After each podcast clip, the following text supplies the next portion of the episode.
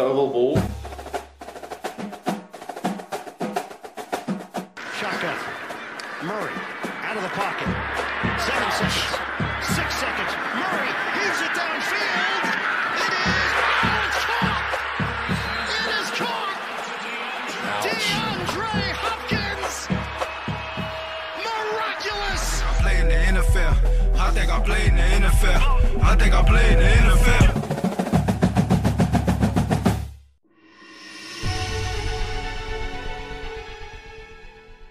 Hjertelig velkommen til oval ball. Det blir, det blir grovere og grovere i målet for Ah, Hviskestemmen. Stian og Kenneth Reier til stede igjen i vårt digitale studio. Hallo, gutter. Hello, hello. Vi har eh, hatt en god helg med Super Wildcard Weekend. Vi skal selvfølgelig eh, evaluere kampene og se fram mot helgens divisional playoff. Eh, vi får besøk igjen av vår faste eh, ekspert på draft, Sander Daling, som skal gi oss en liten oppdatering på hvordan det gikk med rookiesene i årets sesong, da med fokus på quarterback. Og vi skal òg diskutere litt grann om hva vi tror kommer til å skje framover. Eller snappen gå. Football til folket. Football til folket. Football til folket. Det pleier å være en føljetrong Kenneth. Eh, vi har prata mye om nfl.no og, og fjerkre nyheter, men så er det jo sånn at eh, på vår sånn interne Messenger-gruppe så kom det en nyhet fra det her i løpet av uka over at nå igjen var det totalt kaos i hønsehuset. Eh, hva var det som hadde skjedd for noe? Det var ikke kaos i hønsehuset. Det var, det var jo noen lyder fra utsida, og så trodde vi det var babycall, og så og så bare helsike hønene, vi har glemt å ta det inn. Og så gikk Elise ut i hønsehuset, og der var det jo, mangla det jo en, da. Det var tre. Og så gikk jeg ut på verandaen på forsida, kikker ut, kikker rett ned på veien. Der kikker det en katt opp, meg- opp på meg, liksom, som så veldig skyldig ut.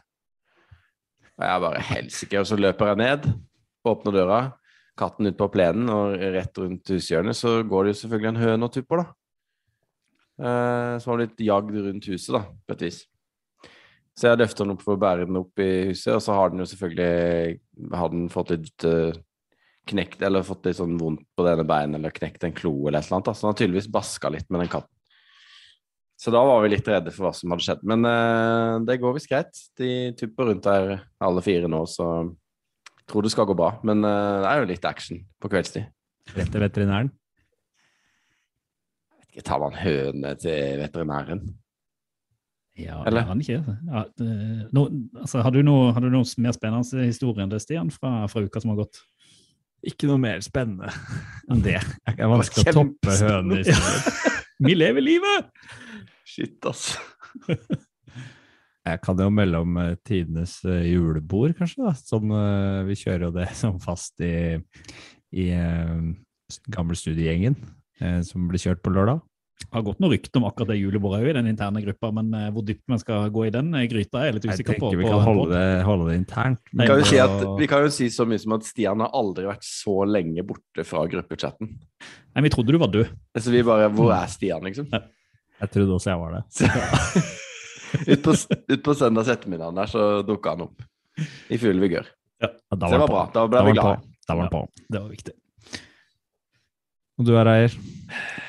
Nei, jeg føler jeg er et sånt tilbake som en hamster. Ja, ja. Nå, jeg, jeg satt jo her, eh, Apropos den interne gruppechatten vår, jeg har jo skryta litt at uh, jeg elsker på familiebarnehage, fordi at ungen, vår, ungen min ble ikke sjuk fordi at det er så få barn og den er så liten. og men nå har det jo skjedd at de to som jobber i den barnehagen, har begge fått korona. Så nå er jo hele barnehagen stengt ned, kanskje i to uker. Så nå er det barnehage og hjemmekontor for eh, alle penger denne og sikkert neste uke. Så nå er jeg bare sånn nå, nå, nå, nå er jeg lei. Og jeg kommer sikkert til å være enda mer alene når vi prates neste uke. Så det er egentlig liksom bare litt playoff og kos i helgene som holder meg, holder meg i live. Det er bra det har vært litt uh, football til folk i helga, da, så vi kan uh, ha litt uh, felles fokus her på den lille eller kanskje store timen vi skal snakke Ja, sammen. det er sant. Men jeg, jeg føler at vi må, før vi hopper videre til en oppsummering av det jeg syns var egentlig en ganske spennende Super Wildcard Weekend, selv om Twitter-verdenen er uenig, så jeg har lyst til å sende ut litt skryt. Det syns jeg er viktig å sende ut litt skryt eh, fra folket til folket. Tusen takk. Eh, jo, du var veldig god til å feste, Stian. Vær så god. Og du er god til å passe på høne, Kenneth. Eh, det var ikke dere to jeg mente. Eh, for, for de fleste som hører på oss, vet sikkert om det, men jeg har lyst til å si det likevel, at det finnes ei, ei gruppe på, på Facebook som heter NFL-fans Norge, eh, som spesielt nå i playoff-tid eh, har våkna litt sånn til live. Mye bra diskusjoner, mye artige innlegg. eh, Og der eh, finnes det òg folk som eh, skriver lange avhandlinger om eh, de ulike lagene i NFL og hva de bør gjøre til neste år. og eh, anbefaler iallfall folk som, eh, som har en viss interesse i NFL, å klikke seg inn der og, og følge med på, på diskusjonen. Vi har noen av våre faste lyttere der som òg sender oss gode tips og eh, bemerkninger om hva de mener om, eh, om kampene, så det håper jeg dere skal fortsette med. Men det er la oss si en anbefaling og litt, eh, litt skryt til den sida. Interessant nå i playoff-tid, det må jeg si. Og så Kanskje den største skryten det er jo våre venner i amerikansk fotball, eh, som da driver både pod og nettside. For de har gjort noe så fantastisk at de har filma et halvannentimers intervju med Norges store kickerstjerne Kåre Vedvik og lagt det ut på nett. Ble lagt ut for et par dager siden. Og det må jeg bare si, jeg sitter og sett deler del av intervjuet. Kjempemessig. Altså et Mm, kjempeintervju, nydelig. kjempeinteressant. Nydelig å se erfaringene hans inne fra hvordan det er å komme inn i NFL, hvordan det er å liksom gå på skole i USA. Eh, hvordan han beskriver de ulike organisasjonene. og det er jo sånn, Man skjønner veldig fort når man ser det fra hans synspunkt hvorfor Vikings og Jets sliter og Ravens og Bills er gode, for å si det sånn. Det er to vidt forskjellige verdener. Eh, så masse skryt. Eh, vi skal få lagt det ut på vår Twitter-konto. jeg tenker. En link til det intervjuet for de som ikke har sett det. Eh, og hvis ikke dere har sett det, Stian og Kenneth, så må dere gjøre det. For det er applaus, applaus, altså. Veldig, veldig, veldig bra. Og helt til slutt så må jeg jo si til dere der ute at hvis dere har det har vi sagt tidligere, tips eller andre ting dere har lyst til å dele med oss, eller si oss, send oss en mail på kontakt.ovalball.no. Vi har allerede fått flere gode tips til gjester som vi håper vi kanskje kan hanke inn i løpet av offseason. Og eh, hvis ikke du liker å bruke mail, så kan du sende oss en eh, DM, eller begynne å kommentere inne på våre sosiale medier, ovalballpod, Twitter, Facebook og Instagram, hvis du har noe du vil ha sagt. Nå, Super Wildcard Weekend.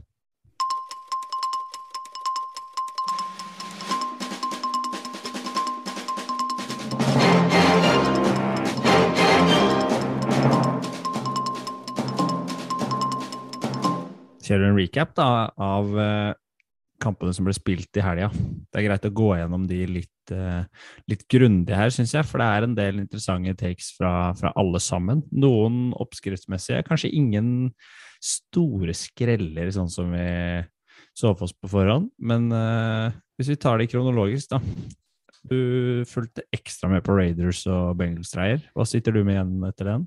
Ja, bare, bare før vi tar den, for jeg har lyst til å bare liksom gripe litt tak i akkurat det du sa der. For det har vært en sånn trend på eh, sosiale medier og andre steder at dette her har vært den dårligste, verste, kjipeste wildcard-weeken noen gang, og man skulle drite i å utvide med et syvende lag. Og, og jeg Jeg syns si det er sånn, så mye sutring. jeg synes det, altså, jeg er helt enig, bare sutring. Altså, her har vi hatt en sesong som har vært fullstendig koko. Altså, du kan ikke stole på et eneste lag utenom Packers i hele sesongen. Og så kommer du til en wildcard-weekend hvor du har i hvert fall av de seks kampene som går, så er det kanskje fem av de som har ganske klare favoritter.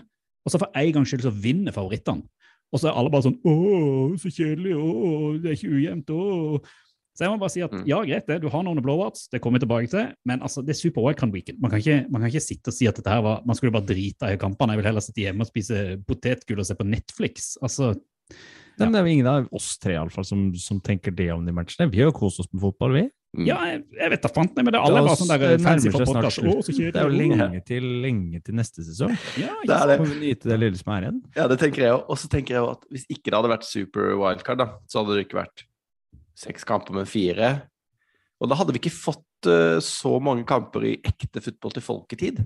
Nei, ikke sant? Så vi må på en måte Her må vi verdsette det som uh, er NFL gir igjen oss. av sesongen. Ja, Ja, og altså, er spennende så- slutt på regular season, og hvem går til playoff? Altså, her må vi, her må vi ha- hegne om eh, det gode. Du sier tusen takk for det du får på julaften. Ja, Ja, gjør det. det gjør man. Du sutrer ikke over gaver. Eh, men jeg må tekst takes da på, på Raiders Bengals. fordi at eh, Før jeg går inn og, og skryter, så må jeg klage litt her òg. Du begynner med det. Jeg må begynne å klage. Fordi at eh, du er, vi har kommet til eh, playoff. Det er wildcard. Det er kamper som betyr noe. Og så har du det jeg kanskje har vært noe av det jeg har vært mest imponert av i hele NFL hele år, er jo dommerne. Altså hvor, hvor flinke de er, og hvor Mm. på ballen de er, og hvor kontroll de har på kampene. Og så får du første playoff-kamp, som er kanskje den verste kampen jeg har sett av dommere i NFL i hele mitt liv. Altså, det var, det var feil på feil på feil. Og i tillegg så greier de Den, den mest åpenbare er jo når Joe Burrow kaster touchdownen sin, hvor de blåser i fløyta for de tror han er out of bounds. Mm. Eh, hvor de da på en måte gjør to feil i samme, hvor de da først blåser i fløyta for tidlig, og så godkjenner de touchdownen, for de har egentlig ikke lov til å godkjenne touchdown når de har blåst i fløyta, fordi at da er ballen død. Mm. Men ikke at det hadde noen betydning for kampen. Og det var ikke den eneste. Det var, det var nesten litt irriterende, fordi at da gikk det utover begge lagene, både Raiders og Bengals, eh, i løpet av kampen. Det Ja. så sykt med diskusjon. Ikke sant? Så heldigvis så retta det seg opp uh, utover weekend, men det var liksom det jeg syntes var litt trist med den Raiders-Bengals-kampen. Fordi at det ødela litt av gleden med å se Men- Cincinnati Bengals ta sin første playoff-seier på 31 år. Ja, det var vakkert. Men akkurat det med dommerne, så er det sånn at de de har jo noen eh, De plukker jo ikke hele cruise, så vidt jeg forstår. At det, liksom, eh, det er en hoveddommer, så har han med seg kanskje en eller to fra det faste mannskapet sitt, og så fyller de på med andre som på en Mm. måte har gjort en god sesong, eller noe sånt. da. Og da er det jo ikke liksom samkjørte, kanskje, da, ikke sant? Sånn at eh, jeg føler, syns det er rart at ikke de liksom De har jo fast møter og styr i forkant, så Jo, det der men de altså, klart det var helt det. vilt. Nå, Eh, husker jeg jo ikke han, ho- navnet på han hoveddommeren, da, men han hadde jo en situasjon hvor han skulle annonsere noe han var uenig i, virka det som. Hvor det hørtes ut som han bare var full av disgust mot det som var, eh, var bestemt. Det var, en sånn, det var helt sånn Det var det, det kan jeg fantastisk. Ja, jeg skal se om jeg kan finne klipper og få lagt ut. altså. Det, var, det gikk jo som farsott på Twitter når du kunne høre på stemmen hans om at dette her, dette, dette liker jeg ikke. Men, men nok om klaging. Eh, Litt, litt elsk må vi ha. For jeg må si at jeg visste ikke at jeg var så glad i Bengals eh, som jeg var når jeg satt oppe og så denne kampen. Og det er jo perfekt fotball til folketid. Halv elleve på Absolutt. lørdagskvelden. ikke sant? Du Mm. får sett hele kampen, legger seg ikke for seint Hvis du ikke er på fest. hvis du ikke er på fest. Men den varte jo øh, eh, den varte ganske lenge, følte jeg. Ja, Og det, det følte jeg også var litt sånn dommergreie. At Ja. ting tok så lang tid, og det var flagg hele tiden. Mm. Så det var litt sånn litt sånn tungt eh, Det var ikke liksom helt sånn football til folket-kamp, vil jeg si. Nei, men det, det var iallfall en Eh, nerve ja. der som Ja, man ikke det. fikk i kampen den hovedkampen Mm. på, på søndag. Med spenning med at uh, Bengals gikk hardt ut, Burrows og Chase altså ser ut, så ut som en million. Og så kom Raiders altså, inn i kampen da på litt momentum og flagg og dommerfeil og, og sånn, og det ble, Mm. det ble jevnt helt inntil enden, hvor de da bomma på, på siste pasninga og ikke fikk han inn i endzone, og, og, og Bengals vant. Eh, så jeg syns jo jeg synes ikke Bengels imponerte, men jeg synes til å være første playoff-kampen de vinner på 31 år, de spiller hjemme, så syns jeg det var med det presset de hadde. Det var jo det de prata om hele den kampen, med publikum og, Fansen var jo helt var helt fantastisk. Ja, det var gøy, altså. Eh, og så tenker jeg liksom sånn uh, Ja, det var ikke liksom verdens beste kamp av, uh, av Bengels, men Burrow leverer som han skal. Han ser jo helt fantastisk bra ut. Chase, vanvittig bra. Altså, de, de gjør det de skal, og de vinner. først og fremst. Altså, det er det viktigste. Alt annet er bare tull. Og så dere, fikk dere med dere Zack Taylor i etterkant av kampen? Han dro jo rundt på barer i ja, Cincinnati ja, ja, ja. og delte ut gameballs til random folks. Det er jo så fett, ikke sant? Det er jo bare hele den byen og hele Ja, alt var bra, men jeg, jeg tenker jo litt sånn at de- rista seg sånn nervøsitet Ja. for første playoff, for de gikk Ja. inn som klare favoritter, og det har det jo ikke vært kanskje de siste åra når de har spilt, eh, spilt playoff i det hele tatt. Og det å gå bort og vinne er sterkt, ja. men jeg syns jo de gjorde det unødvendig spennende, for kampen Mm. hadde litt sånn karakter av at Bengals var det beste laget hele veien, men Raiders er litt sånn scrambling og fighter seg inn, da. Men Raiders var jo litt heldige òg, for at eh, Bengals fikk jo skade på flere av, Ja. av, av forsvarslinja si. altså Henriksen og et par andre som måtte, måtte ut. og Da er det, Mm. da er det ikke så rart heller at du, du mister litt momentum. Du slipper Raiders litt mer inn i kampen, og du, du sliter litt med å holde de, å holde de unna, unna en sånn. Så liksom det viktigste for Bengals nå er jo å få de tilbake før kampen de skal ha mot Titan, Titans, som vi skal prate om, uh, om seinere. For jeg tror Mm. uh, det angrepet kommer til å stå seg dritbra. Men de er nødt til å ha et forsvar som Mm. kan, eh, som kan eh, liksom få satt angrepet på banen. Mm. Ellers så kan det bli tøft. Så er det Absolutt. viktigste var jo også at Bengals vant den kampen, som jeg Ja. opplever som har mer å by på for, for oss Ja, som enig. skal kose oss med fotballen de siste ja. helgene før, før det er slutt. Så jeg tror ikke vi trenger å si noe mer enn det, men jeg kan jo bare allerede si her at Bengals uten tvil mitt store favorittlag av de lagene som er igjen i playoffen. Åpenbar oval ball-favoritt. vil Ja, jeg elsker Titans òg, men eh, nå håper jeg de knuses av Bengals.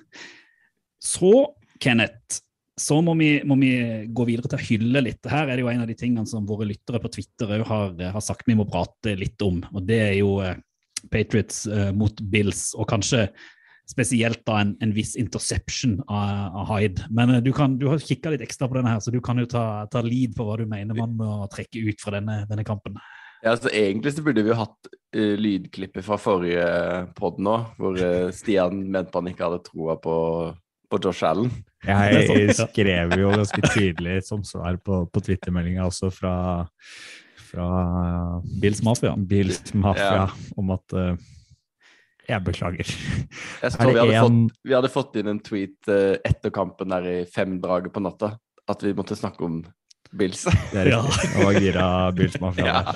Det var nesten og- som han du så på Instagram som, som klikka i tailgaten etter kamp og hoppa på det bordet fra toppen Nei, av egen bil. liksom.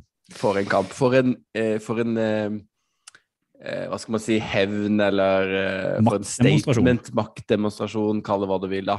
De, de har ingen fourth downs, de har ingen punts, de har ingen field goals. De skårer touchdowns på alle drivene sine. Eh, spiller en perfekt offensiv kamp, rett og slett. Josh Allen ser helt vanvittig bra ut. Singletary ser bra ut. Eh, Isaiah McKenzie, ny, min, en av mine nye personlige favoritter i ligaen. Eh, så kjempebra ut eh, for noen uker siden når han måtte inn for Cole Beasley som fikk eh, covid, og så bare har han tatt ballen og løpt med den. Både i eh, figurativ og bokstavelig forstand. Um, og Micah Hyde, da. Altså, den For inn, et play. Altså, så gøy å se. Det er noe av det villeste interception jeg har sett i år. altså. Mm. For, for, Han dukker jo opp si at at- er ingenting i TV-skjermen. da. ja, Han kommer bare inn fra sida.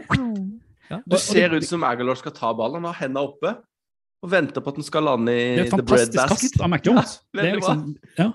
Eh, Men det må jeg si, jeg føler liksom det var det som nå, Du kan ikke si det når, når det er skikkelig blowout, men jeg mener at det er kanskje den situasjonen du kan se på som vippa kampen totalt i Mm. Bills sin. For at den driven til Patriots etter at Bills hadde tatt ledelsen, var, Ja. de, de var kjempebra. Altså Mac Jones var var, Jones løp jo. Han så jo Mm. ut som Josh Allen. Og så var det bare det at han sendte en fantastisk pasning til Aglow, Mm. og likevel så greier Micah Hyde å gå inn og, og snappe den opp. Og, og, og da er det liksom sånn du, må ha, du, må liksom, du dreper jo all pågangsmot i et Patriots-lag som tenker at OK, vi får det ikke til nå heller, og så bare dundrer de på. Mm. Og Sean McDermott, coaching, alt var liksom bare helt sånn spot on, altså. Og Micah Hyde hadde vel også en punt return, eller en kickoff return, eller et eller annet sånt også. Uh, og Gjorde Ja, en kjempekamp, han. de hadde en big man TD. Ja, ja, ja. Doyle, ikke sant. Svær mann inn igjen, så det er jo alltid gøy. Altså, den kampen For Bills Altså, jeg mener nå det er Bills som er laget å slå i AFC. Jeg mener de er favoritter mot Chiefs. Ja, Det får vi ta og diskutere seinere. Det eh, kommer om en time, si. jeg syns jo det som var eh, slående òg, er jo eh, Patriots. Hvor mange drives har de? Seks? Hele kampen? Mm. Etter, etter det som ser ut som en kjempegod drive med den første interception, som dere er inne på at Mac Jones eh, har tatt noen steg som til og med løper, Mm.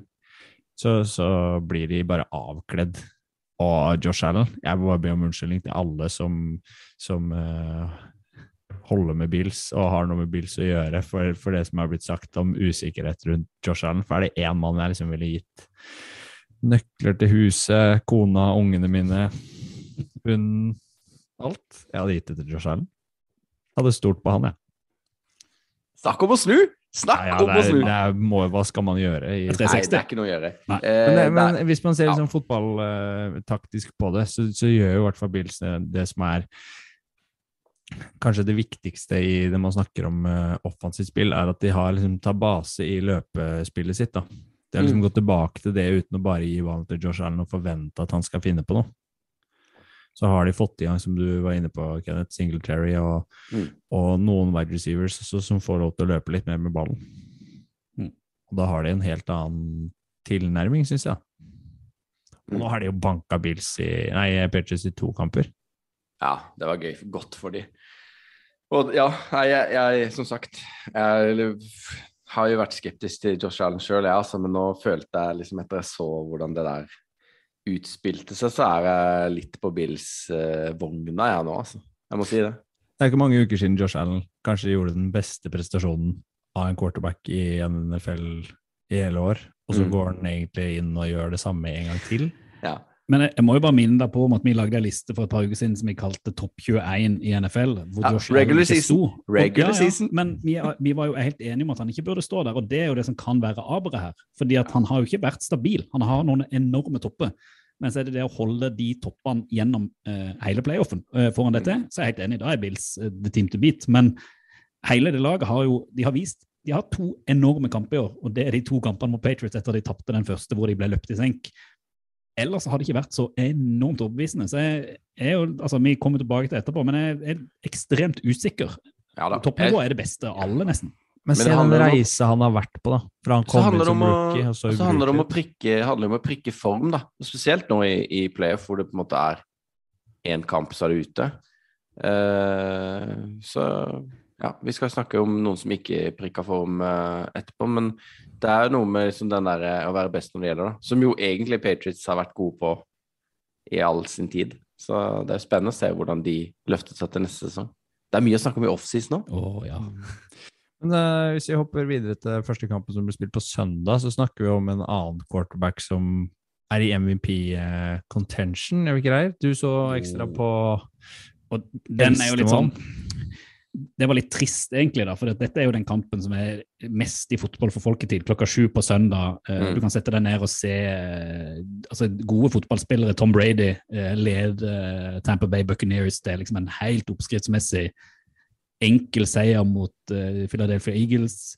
Jalen Hurts, hele offensivet til Philadelphia virka ikke Om de ikke hadde tro på eller de virka rett og slett bare ikke klar for, for den type kamp. Uh, Forsvaret prøvde å stå imot, uh, gjorde det egentlig ganske bra synes jeg, etter hvert mot, mot Brady og fikk tatt han ganske mye, men hadde ingenting ting å stille opp med. Det var, det var så kjedelig at til og med jeg måtte finne på noe annet å gjøre, for det ble bare sånn den, Det var ingen spenning whatsoever. Og, og den kampen der kan jeg forstå at man da kritiserer litt for at, eh, at wildcard weekend, at ikke det blir spennende. Men jeg, jeg tenker det handler litt om at du har et Bucks med veldig mye erfarne spillere som vet hva en playoff-kamp er for noe. De har forberedt seg godt, og jeg vet ikke helt hva Eagles egentlig tenkte med eller tenkte på, men altså det er bare Det blir noen spørsmål rundt quarterback og, og der òg ennå, tror jeg, selv om Mm. Hurts har et, et godt nivå. For det eh, jeg, var, jeg, var, jeg sa jo at jeg trodde kanskje at upseten ville komme her, for jeg har hatt litt sånn tro på at Eagles ville kunne bruke det løpespillet sitt og, og har et bra forsvar, men det var, det var, jeg syns det var helt ute. Det for meg er det ikke så, så mye å si om det annet enn at Bucks var på det nivået man forventer. Eagles var ikke, og da blir det blowout. Uh, fullstendig uh, over, altså, oppskriften til seier. Og så kom jo Eagles inn med et par touchdown på slutten, så det ser jo mye penere ut enn det egentlig var. Uh, det var jo litt sånn Patriots Bills-nivå nesten på, på den kampen. Jeg følte ikke Eagles eh, møtte helt opp. Eller det virka nesten som at det var, det var stort fordi Eller de var fornøyd med å komme til playoff, noe som selvfølgelig ikke stemmer for spillerne. De er jo ikke det. Når de først er der, så spiller de jo for å vinne. Men det var, det var på en måte bare Brady tok de ned down the field eh, sånn Bare Det var ikke de gikk Gjorde det han det å som- ja liksom? Ja. og gjorde akkurat som han ville, da. Um, så ja. Og selv med Bucks med mange skader og et eh, angrep som er veldig ser annerledes ut nå enn det gjorde på starten av sesongen, så, så finner han jo, finner jo de han skal kaste til. og Mike Evans er jo kjempegod og Nei, det er eh, oppskriftsmessig, som du sier, da. Mm. Jeg er usikker på hvor gode de egentlig er, for jeg syns Eagles var så dårlig. Så det, det kommer vi sikkert til å prate om litt senere når de skal, skal møte Rams, om de egentlig har Altså hvor gode de er. Men eh, Tom Brady må jeg jo bare si, han bare stiger i, i, stig og stiger i karakter. Han hadde jo la ut en video her på Instagram i går eller i forgårs fordi at han har blitt mobba Eagles-fansen så lenge fordi at han greide ikke ta imot den da han spilte i Patriots. Ja. Så spilte de en trickplay hvor det ble kasta en ball til han, så greide han ikke ta den imot. Og så er det da et video at han tar imot en, en feilkasta ball fra Jalen Hurts på sidelinja eh, når han står der i bucks og bare tar han imot og smiler, og så står det bare til da, And the Eagles fan didn't think I could catch. Ja, ja. Så det er bare sånn for å stikke inn litt ekstra. Så er litt mer funny enn man hadde trodd, kanskje, Brady. Han, eh, det viser jo at uh, for oss som nærmer oss 40, så er ikke på en måte livet over, da. Kan, vi kan på en måte pike post 40. Det ja, det er godt, setter pris på å se å se at det kan skje. Men så var det noen av oss da som gikk og, det var, det var noen som gikk og la, la oss etter den kampen da, fordi at vi syntes det ble litt seint på søndag. Men du gikk ikke og la deg, Stian, og det var du glad for. Å, fytti. Det Vi snakka om lang kamp eh, i stad. Den kampen mellom 49ers og Cowboys, den var lang. Det er wildcard-høydepunktet, liksom- vil jeg si. Det er, den, det er høydepunktet denne runden. Og det lå det vel kanskje an til å bli i utgangspunktet også, som vi snakka om i, i forrige episode. Eh, men den kampen var eh, kjempespennende, underholdende og, og kjempeinteressant. Eh, 49ers går jo ut med vanvittig intensitet i angrepsspillet når de tar imot, og kjører opp driven til en touchdown med en gang. Og det står 7-0. De har jo eh, Et annet poeng som vi kan nevne, er jo at de, eh, som du er glad i, Reir, er jo at kickerne den runden her, da De tror jeg Ja. leverte for sånn 15 av 15 eller noe. Ja, og Robbie alle- Gold var jo en av de som er kickeren til 49ers, var jo en av de som Massivt bra kicking i playoff. Alle Nettopp. Gikk inn. Mm. Nettopp. Og når, når Niners da scorer først, så Dallas hadde vel fem tap i regular season. Og jeg tror alle de tapa kom når de slapp til scoring imot først. Ja. Og om det sier noe om at forsvarsspillet er best når de får spille aggressivt og jage istedenfor å ligge bakpå og vente, eller at angrepet har litt å gå på når de skal spille fremover, vet jeg ikke. Men, men her tok egentlig Shanahan og Demico Ryan, som er defensive coordinator hos eh, Niners, de tok egentlig lufta ut av det angrepsspillet til, til Dallas, eh, spesielt i første omgang. Og Niners svarte jo bare opp med ok, de kjørte field goal, eh, og kjørte en kanskje litt konservativ field goal på en, på en fourth and one, da, når de allerede leda Mhm. 10-0. Der var vi litt uh, Ja. uenige. For jeg, jeg mener jo på en måte at i playoffs så syns jeg at points on the board uh, teller. Spesielt i en sånn kamp. Eh, Jeg er ikke uenig i utgangspunktet, men du må se an kampbildet. Og her var Ja. jo kanskje angrepsspillet til 49ers i såpass godt driv at det var verdt å stole på at de kom seg videre. da. Hvis du Mm. gir ballen til Dibbo Samuel, så For en spiller, da! Ja, Så han er faen. den kuleste spilleren Ja. å følge med på om dagen. Altså. Så Ved siden av Josh Allen, kanskje. da. Ja, nei, han er helt rå. Helt rå Debo Samuel, altså. Og det her skulle jo i utgangspunktet være wide receivernes, eller Cowboys sine wide receivers eh, kamp, Mm. var det snakk om på forhånd. Hvor det oppdekkinga til Niners ikke skulle holde mål. Men jeg syns ikke eh, CD Lamb og co. møtte opp til kamp i hele tatt. Det så ikke sånn ut. De fikk veldig lite å jobbe med. Eh, Dack var litt upresis. Eh, og ble, det ble ikke noe av det. Og jeg var litt sånn usikker på om det i hele tatt kom til å bli spennende, men det skulle liksom til en Det var en Jimmy G-int, da. Eh, Alltid en Jimmy G i som kan skape spenning. fatal tidspunkt som, som skapa eh, litt skummel stemning mot slutten. Og spesielt den siste, det siste playet som har blitt omtalt veldig sånn i etterkant her, da, hvor Dallas får tilbake ballen marginalt med, med 40 sekunder igjen, hvor Debo Samuel blir takla rett før prøver å konvertere en, en fourth-down til, eh, til, eh, til Niners, men er Her snakker vi tre millimeter for kort. Ja. Og det ble Mm. målt, og det ble målt, og det ble målt, og det blir, de blir aldri ferdig med, å- med å se på det på video. Så de tapte nå for å få ballen tilbake, og uh, kjører opp et designa quarterback run med under 15 sekunder igjen på klokka. Da tenker jeg at coaching er ute å kjøre, og at de Da skal du iallfall vite hva du gjør når du kjører en sånn run. ja, altså jeg liker, liker på en måte tanken ved å gi ballen til eh, Gi ballen da til, eh, til Dak Prescott, som er kanskje ligaens best betalte spiller, skal være lederen i Dallas Cowboys og, og vet hva han driver med. da. Er det én mann du kan gi ballen i avgjørende øyeblikk, så kan du gi ballen til Dak. Men han løper på For det første så løper han for langt, Mm. burde sklidd før. Eh, og for det andre så tar han ikke opp ballen og løper og finner dommeren etterpå. Han slipper på en måte bare ballen litt ned og er liksom Men han ga den ut til senteren. Ja, han lurer på hva han skal gjøre, ikke sant? Og skal Står i veien for dommere som prøver å hente ballen. Ja, det var, de og, og og folk etterpå som så- eh, De, de, de wide som Eller noen bare labba tilbake, Ja. og det var Ja, så- utrolig rart.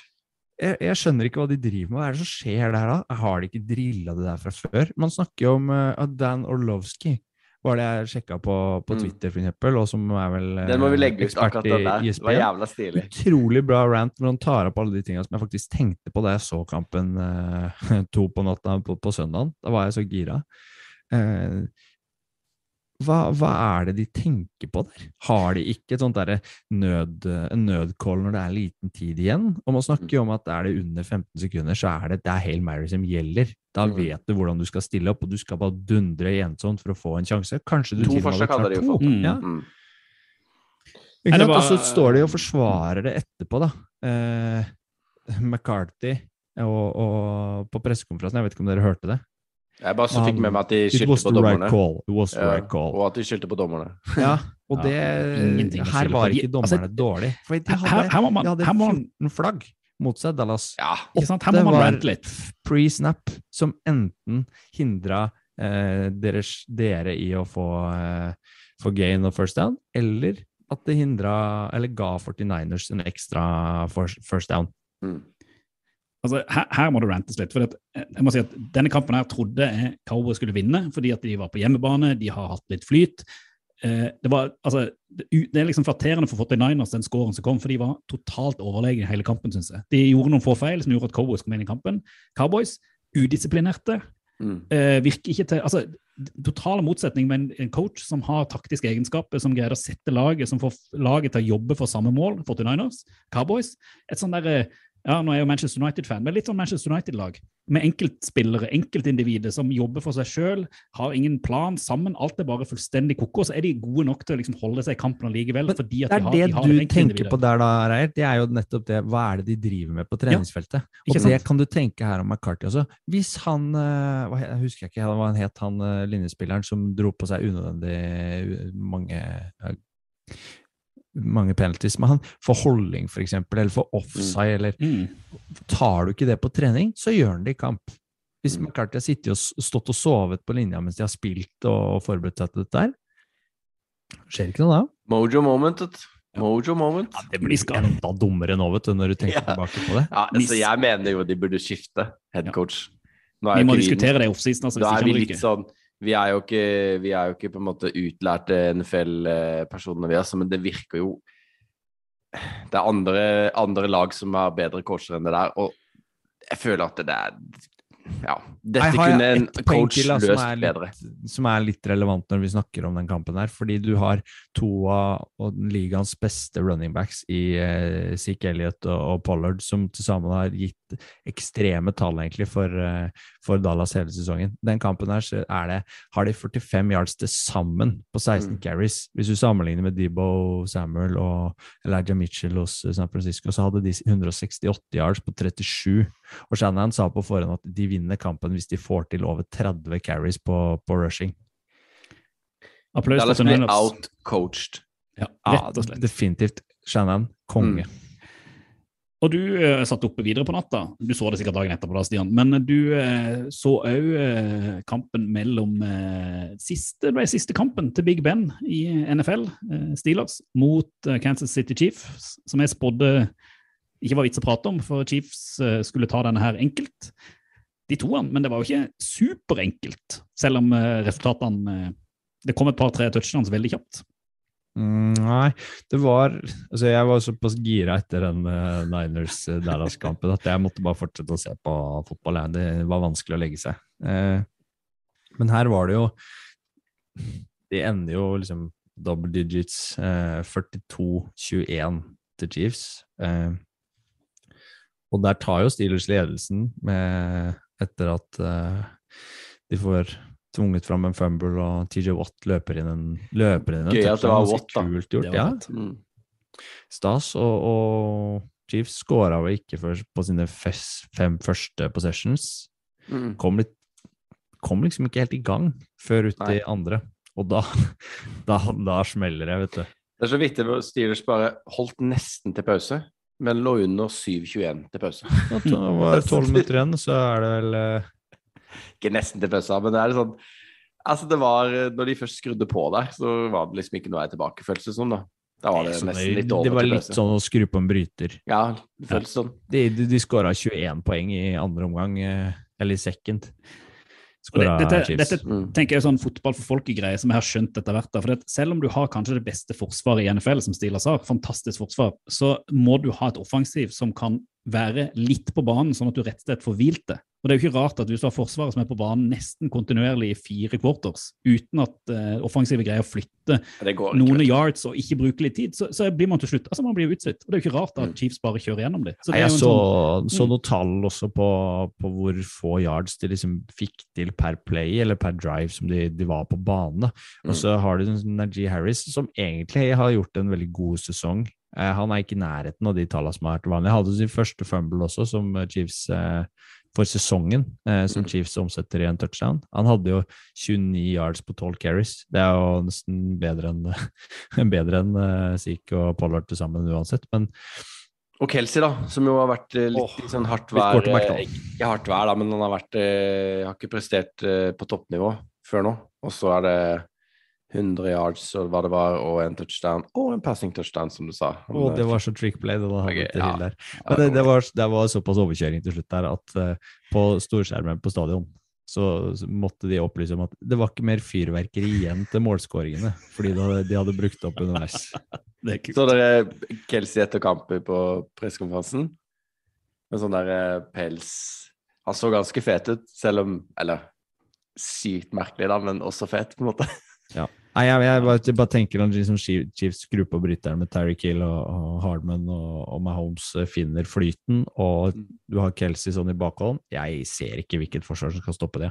Og vi, Det skal vi prate mer om eh, senere. Vi må jo si liksom en takk til Ben for, eh, for karrieren. Jeg tror det kanskje skulle gitt seg et år tidligere, Ja, men han kom seg opp iallfall til playoff.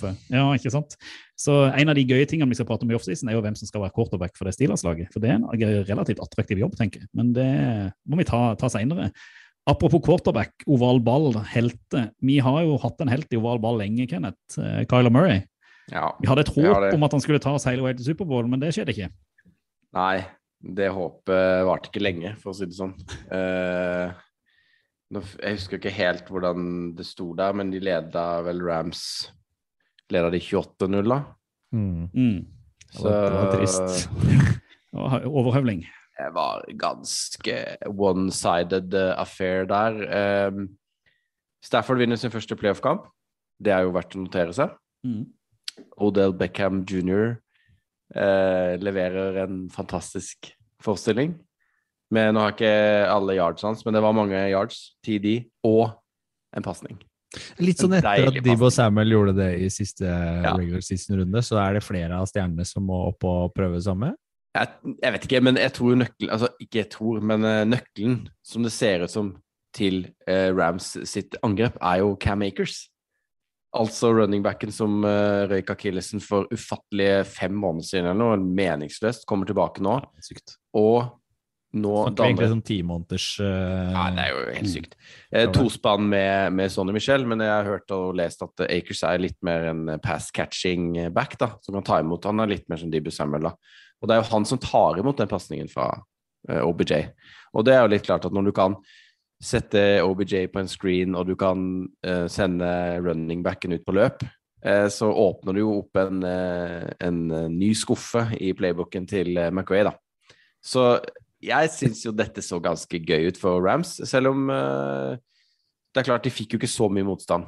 Så Nei, ja, det, det skuffa meg litt, ja, for når du er inne på liksom angrepsspillet og det å sette opp nye plays, og, som mange ofte gjør til playoff. Så Mahomes var ute og, og snakka om uh, Reed, om hvor flink han var liksom, til, til å gi um, laget en ny giv når du kommer til, uh, kommer til off, uh, playoff. mm. eh, og gjøre om på playbooka og få til noe spennende. Akkurat sånn som McVay også gjør i, i Rams. Og Cardinal, som tidligere har vært kanskje et av de mest underholdende lagene offensivt i regular season, de er altså ikke på banen. Jeg syns det er trist å se på Kyler Murray. Som, ikke- han får ikke til noen ting, da. Mm. Det er ned, nedadgående spiral der i Cardinals. Hva Ja. heter han trener i nå i Cardinals? Cliff Kingsbury. Cliff Kingsbury. Ja, Han har jo en statistikk i tror jeg, alle lag han har hatt, både college og NFL, Ja. at han har tapt eh, seks-syv siste kampene i sesongen uansett. Så han, det er jo et dårlig tegn sånn generelt, rett og slett. Jeg lurer på om de også burde skifte coach, altså. samme som med Dallas. At han har tatt men- de så langt de kan, da.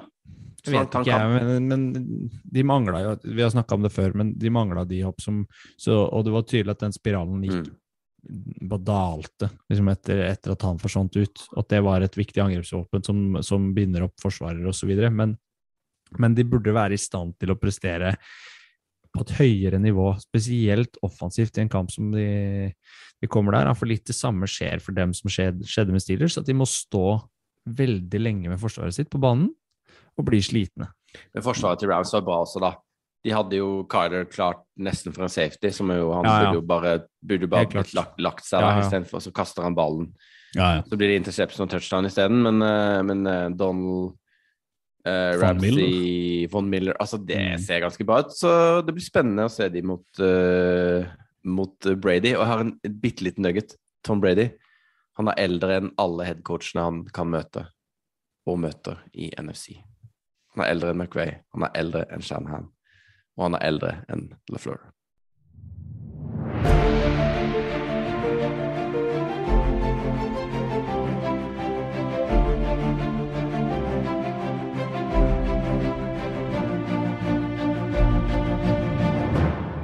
Er det en stor, stor glede for første gang i 2022 å invitere inn eh, Vi eh, tillater oss å si ovalballs faste draft-ekspert eh, Sander Daling.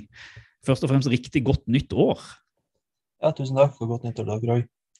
Og før vi ja, skal vi si, dukker hodet ned i både fjorårets draft og kaninhullet som årets draft kommer til å bli, ikke sant, Kenneth? Altså, jeg kjenner bare at det, bare se Sander på skjermen her og høre stemmen gjør at det kribler i Google-fingrene.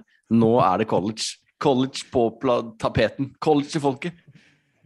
Eh, Men før det, Sander, så tipper du har eh, brukt et par minutter på å se Super Wildcard Weekend. Og vi har nettopp nå kjørt en lang gjennomgang av, av våre takes. Hva liksom dine hva, hva sitter du igjen med etter, etter denne runden som du eh, tenker er viktig å nevne for folk der ute?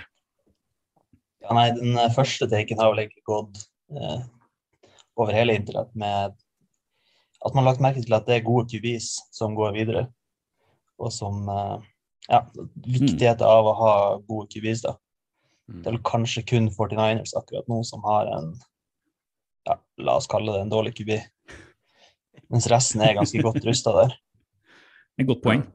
Si til til Jimmys eh, forsvar at han har spilt seg opp i løpet av sesongen.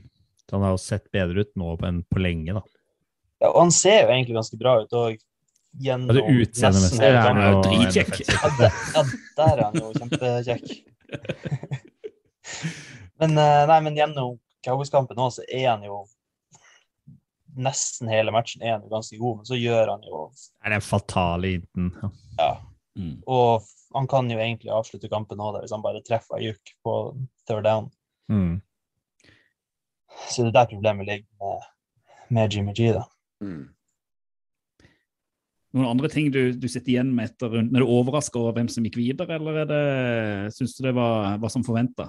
Jeg har faktisk ganske god magefølelse inn mot uh, runden. Altså, vi har jo en sånn liten uh, pick-em-konkurranse, da.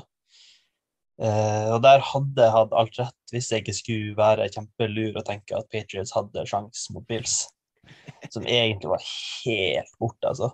Eh, så det var eh, merkelig bra feeling inn i, i wildcard.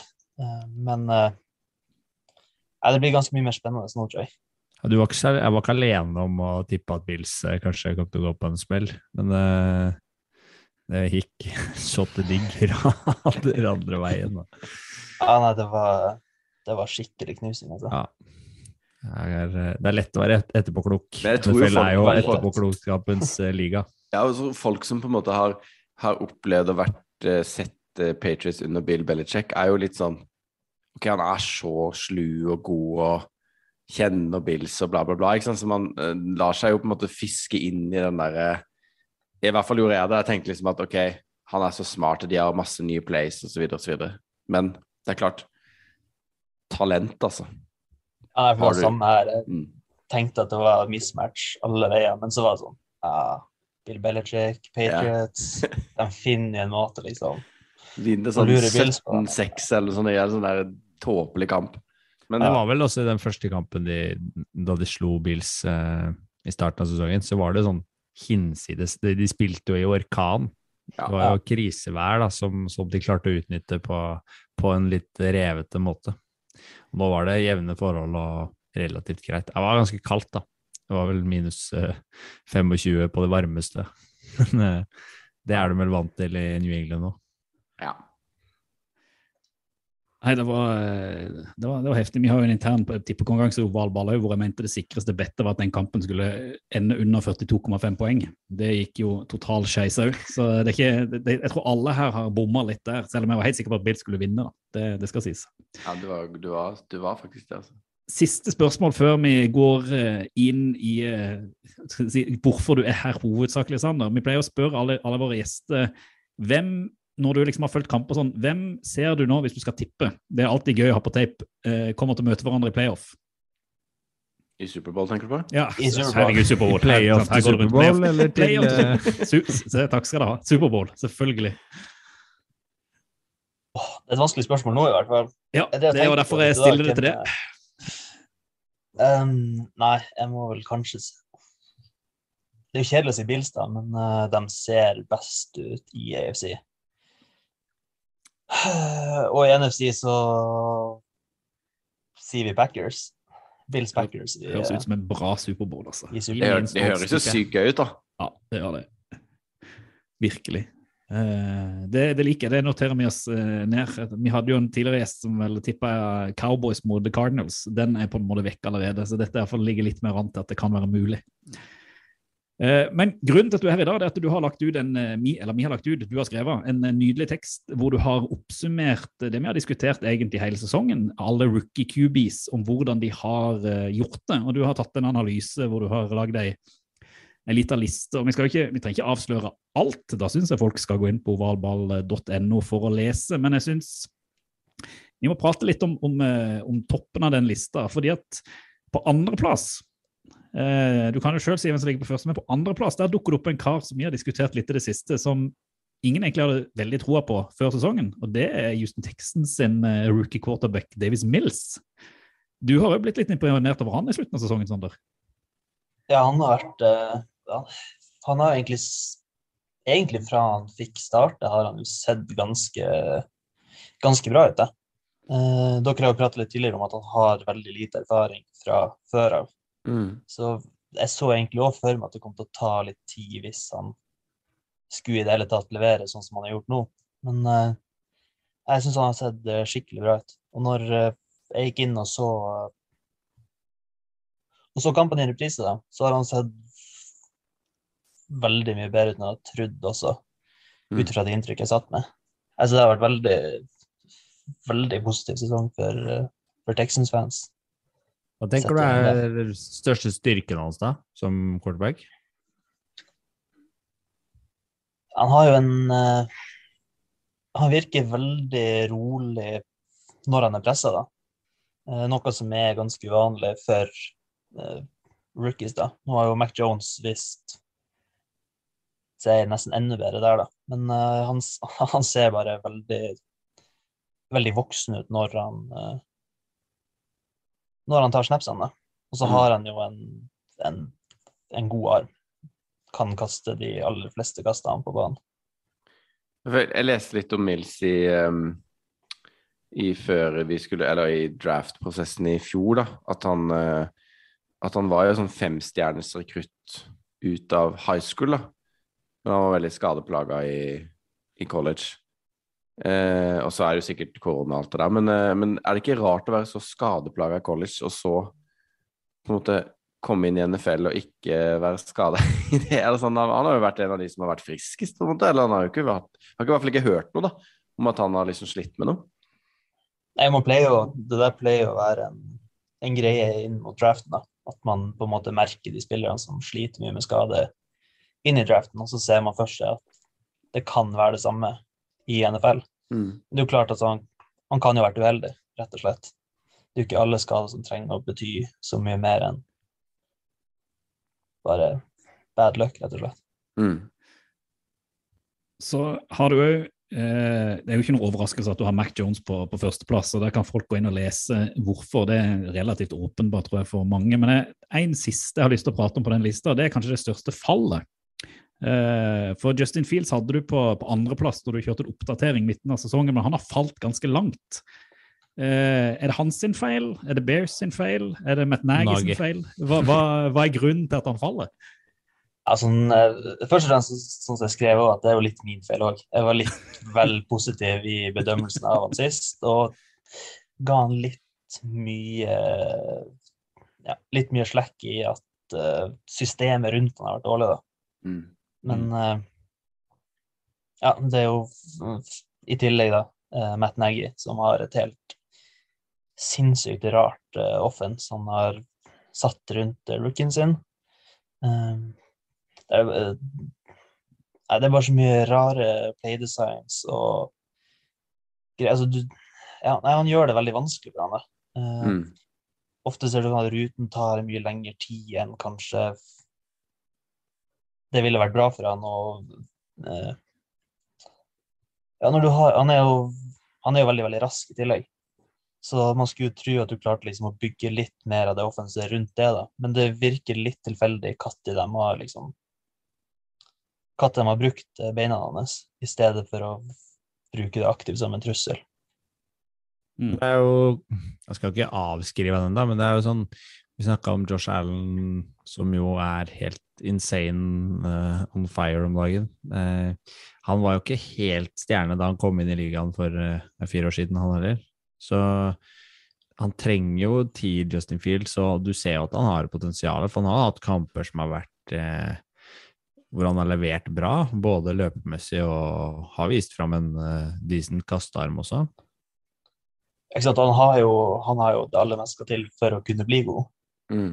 Så er det jo Det er jo liksom to hovedpunkter da, som han er nødt til å forbedre. Og det er jo at han må først og fremst ta vare på ballen. Han fømbler ballen altfor mye. Eh, ja, og kaster en del inntil òg, da. Eh, og så bruker han litt lang tid, og han tar mye sex og setter seg opp i en del situasjoner bare for at det går litt sakte med han. da. Men det regner jo med skal komme med tida, da. Mm.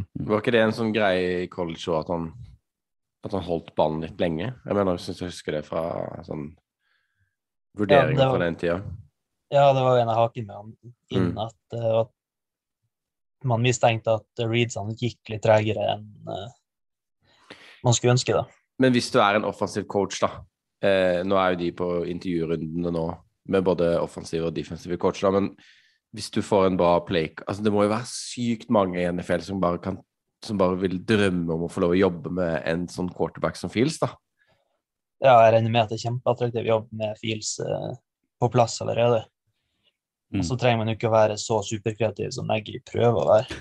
Det, ja, nei, jeg håper at det løser seg neste år, for han er jo kjempemorsom spiller å se på. Ja. Og for, for dere som lurer på hvor eh, førstevalget i draften Trevor Lawrence har havna, og Trey Lance og Kellen Mond og Zack Wilson, så er det bare å gå inn på ovalball.no og lese Sanders i liste, se begrunnelsene godt skrevet, og òg også selvfølgelig forklart hvorfor de stiger eller faller på, på lista. Eh, og jeg kan jo si at Det er ikke noe overraskelse at Trevor Lawrence, Lawrence i hvert fall ikke går oppover på den lista. Jeg liker, jeg si, si jeg likte de, de to siste plassene. Uh, Franks og Sam Ellinger. Uh, Ellinger har spilt tre rushing attempts, nevner du. Uh, havner sist. Han som er foran, har ikke spilt. det er kvalitet. Ja, Det blir vanskelig å bedømme det siste der. Det er jo ja. Mond har nesten ikke spilt. Men, Nei, alle skal med. Alle skal med. Men draften 2022, og nå ser jeg at det begynner å fråde ut av munnen både på Stian og Kenneth her. Eh, du har vel allerede ganske god oversikt over hva som kommer til å komme der, Sander. Og for, hvis vi skal, oss, Du kan regne med som en del av folket. Hva bør en vite om spillerne, eh, behov for lag, liksom de viktigste takene eh, når vi nå snart er ferdig med sesongen og skal inn i kaninhullet, som denne draften tross alt er? Ja, nei, Vi kan starte med quarterbacks, da, eh, som var det som kanskje prega draften i fjor mest. Det, jeg har ikke begynt å se ordentlig på det, men eh, det ser ut som det blir ganske stor drop-off fra den klassen i fjor. Eh, og så har man jo da jokere som Rogers og Wilson og til og med kanskje Derek Carr og Jimmy G, da, som kan være med å påvirke helt inn til, til draften starter. Mm. Eh, Og så er det mye Spesielt mye gode rushere. Mm, Og der snakker vi rett og slett forsvar til folket. Ja. Ja. Rett og slett de ordentlig store transformersene som skal jakte kubis. Eh, Ja. Det, er- Mm. det, er den, altså, det ser kanskje ut som den beste klassen i hele draften akkurat nå. Mm. Um, og det er også mye, mye kule eh, linjespillere. Så jeg tror det er det, sånn, spesielt i starten av draften, så er det det vi kommer til å se mest av. Man ser jo også på, på draft-rekkefølga, som vi, som vi snakka litt om her, altså, så er jo det de, de dårligste laga som, som drafter først, og Jacksonville Jaguars har jo første pick eh, i år igjen, da. Hva tenker du f.eks. at de, de trenger å, å bygge? Er det linja rundt, eh, rundt Lawrence som har vært for tynn? Trenger de noe mer der? Ja, det, det har gått litt eh, Det har blitt en liten trend ser jeg i de mockdraftene jeg har fått med meg, at eh, Evan Neal og eh, Ekwonu er nevnt. Ja, begge de to har blitt drafta first overall. Og det er jo ikke usannsynlig i det hele tatt. Mm. At de ser at uh, At de trenger å bygge rundt han da. Mm. Hvis ikke så tror jeg det er en av rusherne som blir å, blir å gå først. og Det er vel det som er odds-favoritt akkurat nå. Hvem er oddsfavoritten? Er det Jeg tror det er Hutchinson. Ja? Tror jeg.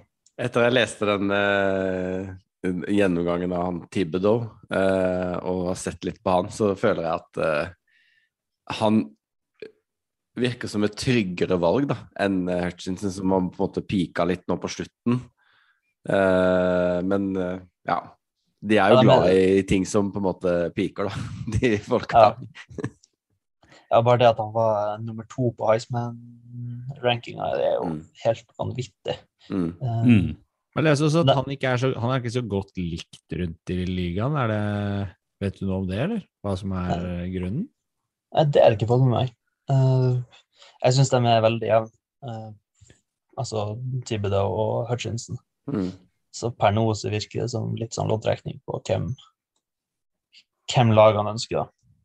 Nå er jo han Han spiller vel på Michigan, og Detroit har jo number two pick, så jeg vet ikke om han er derfra. Men han faren hadde vel spilt der, og litt forskjellig sånn, så det hadde vel vært sånn et slags uh, poetisk øyeblikk hvis han gikk til Detroit, kanskje. Jeg vet ikke.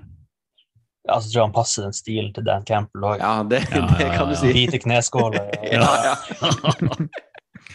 Det er sant. For det tenker jeg litt på med Detroit, at de, de bør jo være ute etter en uh, quarterback. Uh, men det kan jo kanskje lønne seg å vente da, eller og ikke, ikke liksom kjøre alt inn i denne draften, men at neste år med kanskje Bryce Young, da. uh, og da har de kanskje noen draft picks de kan trade, osv., osv. Ja, jeg tenker jo at Hvis de har lyst på en QB allerede i år, så kan de like gjerne vente til andre runden og få, få verdien sin. da. Og ta en av de gode rusherne først, og så Ja, Mm. ikke sant? For jeg leser at den en. QB-klassen, som sagt, den er jo ikke så, så god, kanskje, og, og med så mange markante skikkelser som det var i fjor, sånn at de, de quarterbacksa som har vært å ta, kanskje går litt uh, seinere enn en det som var tilfellet nå i altså forrige draft. da. Og så så jeg en tweet på at uh, det man kan ende opp med å se i år, da, er at siden QB-ene går senere, så kommer de inn i bedre lag.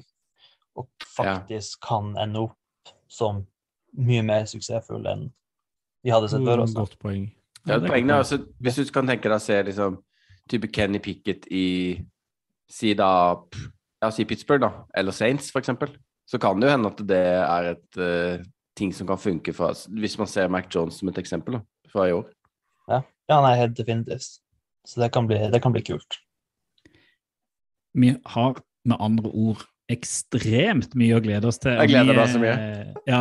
Vi, vi er så heldige at vi, vi håper å få med oss eh, Sander både her og på nett. Ja. Eh, hvor eh, bedømmelse og mokke og rangeringer skal komme ut på ovalball.no. og Så kommer jeg nok til å invitere deg inn både Yes. én og to og sikkert tre ganger i løpet av våren for å diskutere både predraft og postdraft for å eh, oppsummere og, og få litt eh, eksperthjelp. Jeg tror dette her blir den første draften hvor jeg virkelig blir klok, så jeg gleder meg vanvittig. Og det vet jeg dere andre, gjør andre òg. Det blir, eh, det blir skikkelig kult. Det er det beste jeg har hørt. Dette er gøy.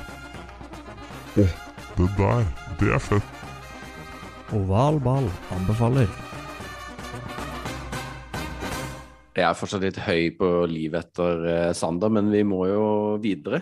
Eh, og da skal vi til eh, vår faste spalte Ukas anbefaling. Eh, og i dag så er det du, Skal Stian. vi ikke til livet? Dessverre. Nei, det skal vi ikke. Men eh, det er i hvert fall en anbefaling. Det er det. Eh, det dreier seg om en dokumentar om legenden og eh, skal vi si patriarken til eh, NFL TV og Raiders-legende John Madden, som nylig gikk bort. Uh, som NFL Network har laga serien A Football Life, hvor de følger ulike personligheter i, i NFL, og som har tilknytning til NFL. Og episoden om John Madden den finner man annet på, på YouTube, og er verdt å følge. Blant annet så var John Madden redd for å fly, så han Ja. kjørte buss rundt om i USA. Egen buss. De liker å kjøre i USA. Mm. De gjør det. Og han besøkte folk, og glad i å prate med folk. Var en tvers igjennom ærlig og ordentlig entusiastisk type. Som virkelig eh, eh, markerte seg og, og traff alle han møtte, snakka med. Eh, og, og Raiders karriere hans, da. Eh, dro de til Superbowl. Var eh, Jobba seg liksom opp gjennom gradene. Eh, det kan være verdt å se den for å bli kjent med med livet til John Madden. For det er jo noen generasjoner eh, før oss, på en måte, hvor han eh, slo seg opp. Og, og ser grunnen til at han ble valgt inn i Hall of Fame. Mm. Nei, hva skal du se på? Rundens utvalgte. Den o store divisional playoff-helga ligger foran oss. Det er fire kamper. Det skal avgjøres hvem som skal spille Champions Game i AFC og NFC, og nå er det ingen som har bye. Nå er alle lagene i spill. Dette blir helg. Ja, det blir gøy. Og eh, bare sånn nesten litt sånn overraskende mange Eller sånn mange kamper som det er mulig å få sett uten å måtte knekke helt på midten. Det, jeg hadde ikke helt oversikt over hvor mye bra fotball til folketid det faktisk var uh, denne helgen. Så det, det meg glad. Det har du egentlig rett i. Fordi at det er en meget god football til folketid er lørdag klokka halv elleve. Man har lagt, eh, Hvis man har sånn som oss, så kan liksom kona og barna gått og, gått og lagt seg, og så kan man sette seg godt til rette i sofaen, og så kan man se Cincinnati Bengals mot Tennessee Titans. Og Veldig fin første julegave å åpne på julaften. det. Deilig start. hip- Hipstergaven, føler jeg. Ah, Det er litt sånn de der to lagene som man kanskje ikke ser på som topplag i NFL, men allikevel ah, dritgøy. Ja, det blir en glede. Mm. Eh, og Titans eh, har vi jo ikke sett på en stund, da, i og med at de hadde bye. Men eh, The King is back. Eh, så det blir jo episk Stakkars spennende. det Bengals-forsvaret, hvis det har banka litt grann fra før. Ja, de må de tilbake. Ja, de må få tilbake eh, første rekka der, ellers så kommer Derrick Henry til å kjøre sveitserost der. Mm. Det kan bli tungt. Men de har Mm. Joe Burrow, de har Ja, Jamar. Chase, de har Joe Mixon, de har T. Higgins og de har Tali Boyd. De har et voldsomt angrep. Dette kan bli en high scoring game. Jeg håper det. Håper det. Eh, Ellers så kan det ikke bli det. Det, det er sant. Det altså, kan bli 0-0. Nei. Nei, det kan ikke det. Nei, for det er jo det at Hvis de greier å stoppe, Bengals greier å stoppe løpespillet til Titans, så uh, tror jeg de liksom har litt de kan, uh, kan stille opp med. Og, uh, Har ikke Titans vært så avhengig av det løpespillet siste Nei, det sant, det, kampen altså. heller? Og jeg syns både Tannehill og AJ eh, Brown har vært eh, veldig på jobb. Tannehill spesielt eh, siste runde i regular season. Og Titans på hjemmebane, Tennessee, kanskje det blir drittvær igjen. Jeg vet ikke. Er, nå er man jo uansett hva man tipper nå, så vil det jo være liksom, bingo, føler jeg, i de kampene som er satt opp siste, siste runde. Når det har vært bingo i vanlig sesong, så, så er det i hvert fall det nå når det er de beste lagene som står igjen. Men eh, jeg holder nok en liten knapp på, på Titans, jeg, når vi må velge noe her. Det som er interessant, er kanskje at den kampen, den første kampen er jo kanskje mellom de to laga som ikke ut fra sesong, da, men vi skal se før sesong, men kanskje mest overraskende skulle være akkurat i divisional round. De andre, andre hadde vel liksom nesten alle forventa at skulle gå så langt. Så det er uansett spennende at vi får på en måte enten Bengals eller Titans i, i championship championship. game. Det liker jeg, altså. Det er kult. Det er jeg helt enig i. Og, og Reier sitt Superbowl-tips med Bengals hele veien inn, Nei, det lever ennå! Det gleder meg. Og jeg tipper alltid med, med hjertet når vi snakker i poden her, så det er jeg går for Bengals ti av ti ganger, altså. Fordi jeg vil det. Ja, for det, det er sånn, jeg tror Titans er nok ganske klare oddsfavoritter her. De spiller på hjemmebane. Man så hvor mye det hadde, det hadde bety i de uh, Super Wildcard Weekend-kampene. var det bare 49ers som, som greide å vinne på, på bortebane. Det var det mer pga. et dårlig Dallas-lag enn en, en fansen. Så du skal ikke undervurdere denne fordelen av å spille hjemme.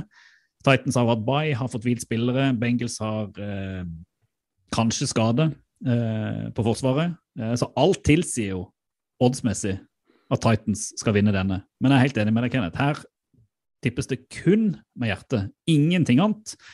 For jeg har så lyst til å se Bengals videre til Championship Games. Jeg legger jo mitt eh, tips der. Selv om jeg skulle jeg satt penger på den kampen, så tror jeg jeg ville satt alle pengene der på, på Titans, sånn som situasjonen Hus og hjem? Hæ?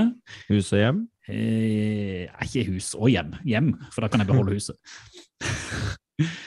Eh, For eh, det, Stian, som sikkert da blir sittende oppe òg, hvis ikke du skal på et nytt julebord eh, til helga, så natt til søndag kvart over to så spiller vel ditt det man kan kalle nærmeste favorittlag. 49ers skal da dra til Lambo Field, møte Green Bay Packers, som òg har hatt en bye. Hvordan ser du på den kampen, ut fra forrige helgs eskapade fra Jimmy G og Debo Samuel?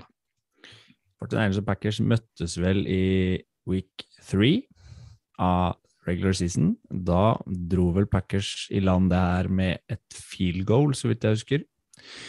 Og da Jeg tror det blir sånn styggjevnt igjen. For jeg, det forsvaret som 49ers eh, kjørte opp nå mot eh, Cowboys, som er ellevilt angrepslag, eh, tenker jeg eh, kan bli tunge på vektskåla hvis de får tilbake Nick Bosa og Fred Warner, som er kjempeviktig. Men uansett hvem det ser ut som de, de, de flytter opp på linja, og de sju fremste kanskje de, de bruker, så de, de, de kommer frem med noen sånn gullkort hvert år, da.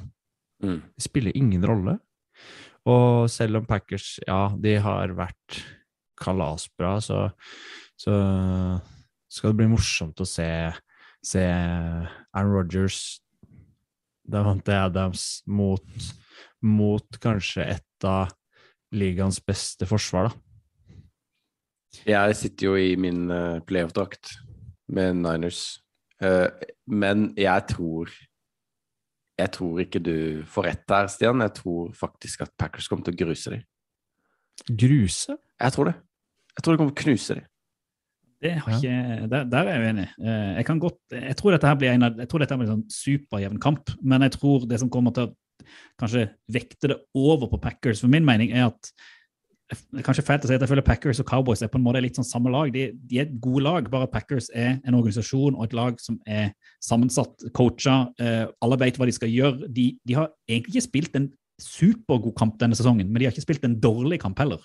Og det er det jeg tror at du skal eh, Cowboys kan du på en måte vinne over på en sånn dag. Eh, og kampen mot Cowboys burde de jo eh, 49ers egentlig grusa de på, men de, det ble jo jevnt der òg. Og jeg tror det er litt av problemet. At 49ers må spille en plettfri kamp. Da kan det bli kjempenevnt. Packers må ha en off-dag. Eh, ellers så tror jeg Packers vinner den kampen. Eneste aberet mitt er at, sånn, med et par unntak, da, eh, Packers har en tendens til å choke i playoff. De har alltid en tendens til å være favoritt, og så har de en tendens til å tape. Og jeg er redd det kan skje her. Eh, To år siden så feide jo 49ers over Packers i, uh, I, det var vel divisional game, da. Ja. Det, det var championship game, var det ikke? det? Jo. Ja, championship game, mener jeg. Og dette er, den, dette er revenge game, altså, for uh, Matt LeFleur. Og jeg tror eh, altså, mye bilder av den tundraen i Green Bay. Minus 20, Jimmy G med vond tommel, Rasul oh, Douglas ja. med pick six, Devondre Campbell, forsvaret til eh, Packers har vært bra. Bakhtiari tilbake Bakhtiari er tilbake på Mm. linja. Rogers skal Full vinne Superbowl i år. Lambofield stappfull. Davante har hvilt. Dylan og Jones, to da monster på running back. Jeg tror rett og slett Packers kommer til å gruse dem. Jeg vet, Jeg, står for det, altså! Nei, jeg vet ikke. Fordi du, du har noen faktorer som kan avgjøre. Shanahan har vist seg som en mesterskaps... uh, ja, kanskje den beste coachen, eller? I, av de som gjenstår. Det er funny, da, med McVay, Mm. Shanahan og LeFleur som har vært sammen opp igjennom. Og du så det tweeta det bildet med når de var i Washington i sin tid, hvor Mm. Shanahan var De kjenner og- hverandre ganske godt. Altså, de, de har vært sammen kjempelenge på masse klubber og ja, kommer liksom spinner ut av farens eh, Altså Mike Shanahan sitt eh, coaching tree og Men jeg har det- litt sånn på gefühlen at Shannon kan liksom hoste opp noe innovativt og gjøre noe, med, noe mer med en playbook, da. Enn det Jeg tror LeFleur er så keen på den seieren at det bare ja, Jeg tror ikke Shanahan er noe mindre keen på den. Nei, selvfølgelig ikke.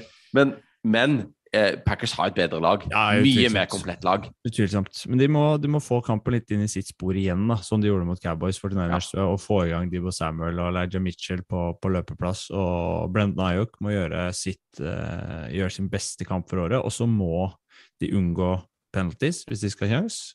Og så ja, det er noe med det forsvaret som må være komplett, tror jeg her. Hvis du, nå tror jeg ikke de kan hoste opp noen gullkalver fra, fra benken eller eh, reservelista. Nå må de ha toppa laget 49ers hvis de skal ha en sjanse. Så Kenneth han tipper blowout til Packers. Jeg tipper veldig jevn kamp, kanskje til og med overtime, men jeg tror Packers tar det til slutt. Og du, Stian, du heller mot 49ers? Nei, Nei. jeg, jeg gjør ikke det. Men jeg tror, jeg tror litt som deg, Reier, at det, det blir enten kjempe, kjempejevnt nervepirrende fra start til slutt, eller så tror jeg nok, som Kenneth, at det kan bli stygt, da. Eh, Men det er greit. Jeg, det er greit. 49ers tar det. Field goal, Robbie Gold på overtid. Ah. Gullmedaljen. Så kom jo eh, Det er vel kanskje den beste fotball til folketida. Nå er det ikke klokka sju, men det er klokka ni på søndag kveld. Eh, da får man sett en sånn Man kan legge seg i tolv-halv ett-tida og stå på jobb og være ganske uthvilt. Eh, igjen er det Tampa Bay Buccaneers hjemme, men denne gangen så Tom Brady. folk Folket skal få se Tom ja. Brady. Los Mm. eh, Angeles Rams. Ja, og denne kampen i fjor, klokka ni på søndag, det var Chiefs mot Browns. Mm. Mm. Og den satt Stian og jeg og så sammen, men eh, fra hverandre, fordi vi var eh, på Teams eller Messenger eller et eller annet, mens vi så kamp, som den samme kampen på hver sin TV. Eh, og dette er jo ekte, dette er jo søndag kveld for oss. Eh, og en litt bedre kamp med Buccaneers og Brady enn den som var forrige uke, da. Må få. Buccaneers seg, lagt kjørte testen, ja. Mm. Så Eh. ja, og Rams uh, så veldig bra ut mot Cardinals, det har vi allerede snakka om. Buccaneers så også bra ut, men de Det er eh, to lag som egentlig ikke ble matcha noe særlig i Nei, eh, nei. kampen. Helt enig, og, og Rams er jo kanskje et mer Hvis vi snakker om at liksom Packers var et komplett lag, så er jo kanskje Rams et mer komplett lag akkurat nå enn Buccaneers eh, på grunn av alle skadene. Mm. De Og trada Antonio seg, jo Brown litt og alt det greiene der. tradet seg jo litt opp Rams eh, i tillegg. Nå begynner de gutta å levere. Von Miller og Mm. Odell. Og de hadde jo forrige kamp både Odell og Cooper Cup og Van Jefferson fikk, hadde jo catches og så veldig bra ut. Så de har jo Og Cam Akers, da, som jeg på en måte føler er skikkelig nøkkelen. Eh, som gjør at eh, jeg heller faktisk kanskje mot Rams til den kampen, altså. Men, eh, men jeg, jeg tror ikke jeg tør å tippe det nå etterpå, fordi det er Brady på den andre sida. Men det er, eh, det er en kamp som eh, Som jeg vil si er helt åpen. Er det den mest åpne, liksom, på forhånd? Ja, den og kanskje den som vi skal prate om etterpå. Eh, jeg har liksom et, et par takes Ja, her som jeg syns er interessante. for Det, det la merke til når jeg da satt og så denne Eagles-Bucks-kampen. Det var at Bucks starta jo kjempebra, to ledelsen. Og så virka det som om Eagles greide litt å finne ut av angrepet til, til Bucks, og greide rett og slett å gjøre Tom Brady ganske ukomfortabel. De var på han eh, veldig ofte. De greide å komme gjennom den offensive linja, og de har på langt nær det samme forsvaret som det Rams har. Så jeg tror én viktig greie her er at hvis Rams greier å bryte ned den offensive linja til Bucks sånn som Eagles gjør, så, så skal det mye til for at Tom Brady kan liksom sitte der og prikke, prikke baller. Da blir det korte kast og det går fort. og, og sånn. Og så er det jo da Stafford. Hvilken Stafford er det vi får se? Er det den vi så mot Cardinals, med den topp fem quarterbacken med steinpasninger, treffer alt, spillet spiller på høy risiko, men eh, alt går inn? Eller er det en Stafford som sender tre interceptions og gjør at du kanskje får to pick six i samme kamp? Eh, jeg har jo lyst til å si sånn ut fra form, lag, innhold at jeg tror Rams tar denne, men det avhenger da av én, at forsvaret til Rams møter opp på den måten vi forventer at de skal gjøre, og to, at Stafford fortsetter den formen han hadde mot eh, Cardinals. Hvis derfor er ute og roter, så kommer Brady til å kjøre dette her eh, hjem. Jeg tør ikke tippe mot Brady i det hele tatt. Det er playoff. Uh, Hjemme i tillegg. Veldig mye bedre hjemme enn borte. og jeg er fortsatt ikke helt overbevist av uh, det Rams uh, gjør. Jeg syns de har også hatt kamper hvor det har vært ganske lite offensiv progresjon. Da. At det har vært lite poeng, og de har liksom slitt med å komme til sjanser. Det kan selvfølgelig ha noe å si at det ikke ser tilbake, som du var inne på, Kenneth, men det er en litt sånn Jeg vet ikke. Buckeneers har liksom en evne til å få poeng på tavla uansett hvem de spiller mot og kampens gang. Så her holder jeg nok en liten knapp igjen på, på hjemmelaget.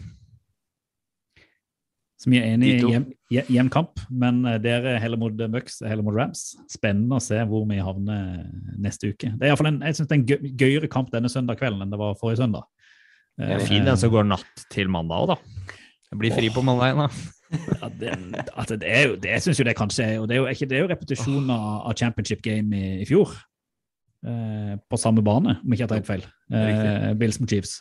Mm. Eh, hvor Chiefs da eh, to, eh, to den og kom seg til, til Superbowl.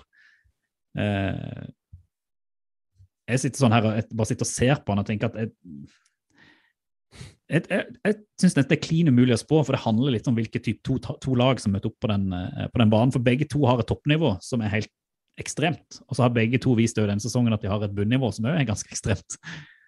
Eh, men Chiefs hjemme på Arrowhead skal vel sånn i utgangspunktet være favoritter.